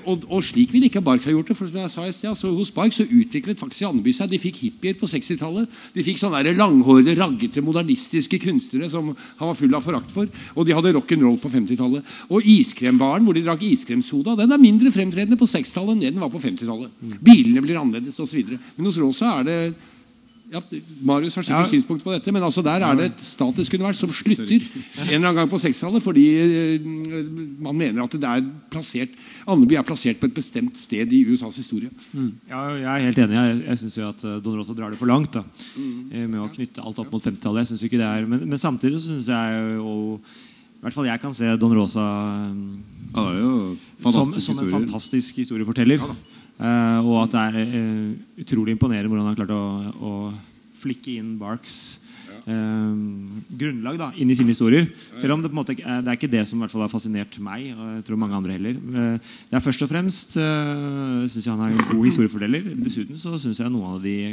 korte tisiderne også er fantastisk. Altså rett og slett morsomme. da Selv om Og det har selv om han som person kanskje ikke nødvendigvis er eh, det første å tenke på er humor, så, så, er så, så, historien hans der er det, det bobler over av humor, både i bakgrunnen og foran.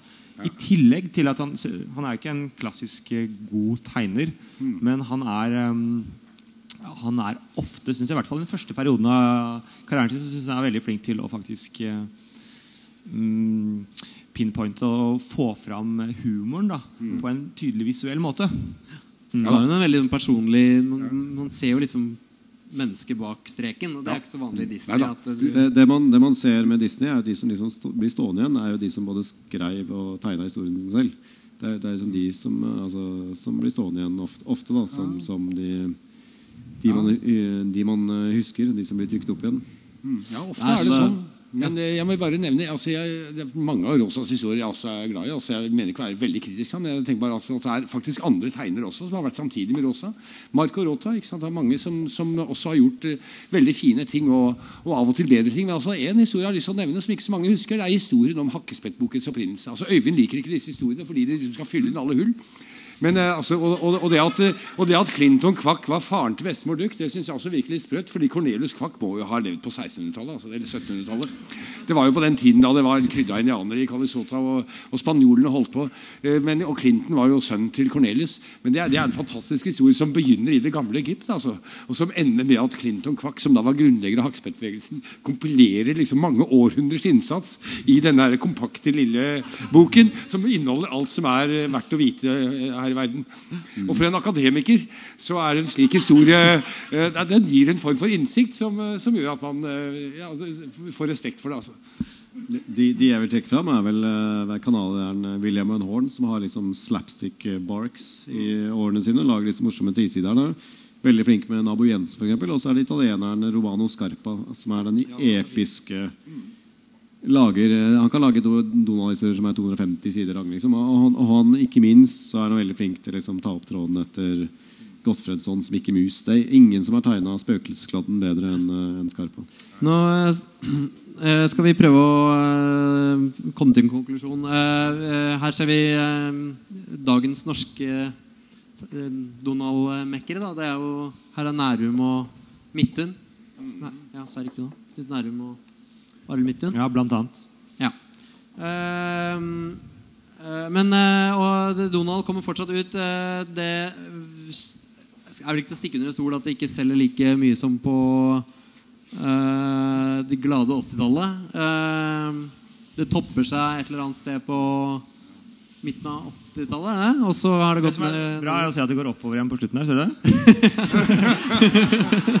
Så blir det en gåteveis. Nei, 70 79 til 88 er er, er gullalderen, tror jeg. Det, det er sånn, da, da er det en kvart mil i uka. Hva skal du gjøre for å få eh, flere til å lese Donald? Eller, eller, eller, eller er det et mål i seg selv? Ja, skal de gjøre andre ting? Skal de eh, lese det på iPad, eller hva hva skal de gjøre? Nei, altså Det er et komplisert bilde. Ja. Et veldig komplisert bilde. Men, eh, men uh, altså det som er med Donald, er jo at det er veldig um, foreldreavhengig. Ja. Alltid vært foreldreavhengig. Uh, gjennom alle tider så har foreldrene hatt en veldig viktig rolle når det gjelder Donalds kjøp. Uh, 60-, 70-, 80-, 90-tallet. Og i dag så er det sånn at barna selv har vel sjelden kjøpt, kjøpt Donald selv. Altså Det har ligget liksom på kjøkkenbordet. Så det har på en måte bare kommet inn. Um, og i dag um, så er det vel uh, I enda større grad så har uh, foreldrene mindre um, kontroll over barna sine. Altså de, barna blir uh, ungdommer, eller de blir uh, De gjør som de vil i en tidligere alder. Ja. Uh, så allerede fra sånn fem-seksårsalderen så, så, så på en måte hopper de inn i iPad, og de hopper inn i verdener som, som foreldrene ikke eh, forstår i så stor grad. Dessuten så er det jo dette med tid. Det er veldig eh, lite tid Til å sette seg og lese Donald? seg ned. Og Donald, Donald også i dag det krever på en måte Du må sette deg inn i universet. Ja. Sette deg inn i figurene. Du må sette deg også inn i måten å fortelle historier på. Det er eh, fremdeles et relativt avansert språk. Du, vi putter inn fremmedord. Det er på en måte, du må strekke deg litt. Og da, det krever foreldrenes tilstedeværelse i Ja. Donalds eh, Dere har også prøvd å putte inn Donald i skoleverket? Ved et eksperiment? Ja, så Det som vi syns er aller viktigst, er, og, og der vi sliter mest, det er jo å rekruttere nye, nye barn. Og få unge lesere til å komme inn i universet. Og vi vet jo det at når, når barna blir åtte-ni-ti år, så er det for seint. Altså, de må Ja. på en måte tidlig, tidlig inn. Og, Og i og med at de fra skolealder på en måte tar selv sine avgjørelser og ikke på en måte er under innflytelse av foreldrene i samme grad, så må vi inn tidlig. Eh. Og, og eh, så har vi satt i gang et veldig spennende prosjekt, eh, skoleprosjekt, hvor vi da har eh, ti skoler som vi har gitt Donald til. Vi har et undervisningsopplegg med forskjellige forskjellig type Donald-stoff, som de da skal bruke i timene sine. Og så skal de da svare på noen spørsmål i forkant og i etterkant. Så har vi også kontrollskoler som man kan sammenligne med. Eh, og dette går jo på leseglede. Vi har jo en veldig sterk tro på at Donald gir leseglede. Og leseglede fører til, eh, til eh, at man blir flinkere til å lese. Ja. ja, men det er veldig bra. Ja, er Eh, kort, Øyvind. Ja, eh, nei, det, Mange spør jo hele tiden hvorfor Donald synker i lesertall og opplag. Sånn, men det, det, jeg liker like godt å fly, snu på flisa og si at hvorfor er Donald fortsatt såpass populært som det er? For det, Det Hvis du ser på, ser på liksom, eh, konkurrentene fra før av, de er borte alle sammen. Bamse, Konan, Sølvpilen. Altså, alt er borte. Donald har fortsatt over 500 000 lesere i uka. Jeg må bare legge til det eh, at Fremdeles så får vi jo bare positiv feedback på Donald. Altså Alle barna elsker Donald. Og abonnementsmassen vår det, ingen er så, altså den er- holder seg stabil. Ja. Alle de som abonnerer på Donald, de fortsetter å lese Donald. Så, så noe av det som er viktig her, det er at de, de av dere som er foreldre her, at dere rett og slett er dere deres ansvar bevisst. altså. Fordi her er det snakk om en, en kulturell, noen kulturelle fellesreferanser. altså Fellesverdiene, som Kjell Magne Bondevik kalte det. Man snakker om fragmentering og postmodernisme og dekonstruksjon av kulturen. Og hvis vi skal unngå denne, disse vederskyggelighetene, så må vi holde fast ved noen fellesverdier. Eh, Og, jeg vil si at Hjemme hos meg altså, har det vært sånn de siste dagene at jeg har bare kunnet komme inn og sagt til barna mine sånn, I dag er det akkurat som den, den legendariske første nyttårsdag da Anton eh, kom og banket på døren hos Donald. Og alle eh, barna mine de tar det med en gang. Så det er akkurat hva jeg mener. At det var da, det var da guttene der limonadekonkurransen? Yes, det var der guttene til slutt leide en traktor for å slepe ham ut i, i den råken i Andebysjøen. Hvis ikke så mister han huset sitt. Ute. Hvis ikke ville han måtte gi eh, huset sitt til Anton. Og jeg trenger bare å nevne ikke sant? akkurat den, der, den, den, den skjebnesvangre første nyttårsdag hjemme hos Donald. Og hvis vi mister de fellesreferansene, hva har vi da igjen av felleskultur? Jeg går jo så langt at jeg, jeg, jeg sier jo at man, eh, det er viktig å ha et sånn felles kulturelt fundament å, bygge den norske nasjonen på. Og, du dele ut til alle Ja, man skal asylsøkere? glemme, glemmes, ja, man skal glemme Snorre, skal glemme Bibelen og skal glemme Grunnloven. Det er Donald Duck og co. det handler om. Det må deles ut på blå resept til alle asylmottak, alle innvandrere. Det er, liksom, det, det er der de norske, det som vi kaller norske verdier er. Det kommer ikke fra Bibelen, det kommer fra Donald. Jeg syns det er en kjempefin konklusjon. Vi har noen sånne formaliteter vi må, vi må, vi må huske å ta med her på slutten. Eh, han som har tegnet uh, den Anna her til plakaten vår, faktisk, uh, er uh, her i dag. håper jeg Og det er Tore Strand Olsen. Han skal bare komme og si veldig kjapt om quizen. Gidder du det? Jeg hadde ikke tegnet denne plakaten. Um, ja, ja, Så det er færre som skulle komme her. Og Barks. det var, ja, men det var, eh, det var den eh, Tore har tegna omslaget på boka mi. Den måtte rentegnes på nytt når det skulle komme en nyutgave. Fordi Akkurat.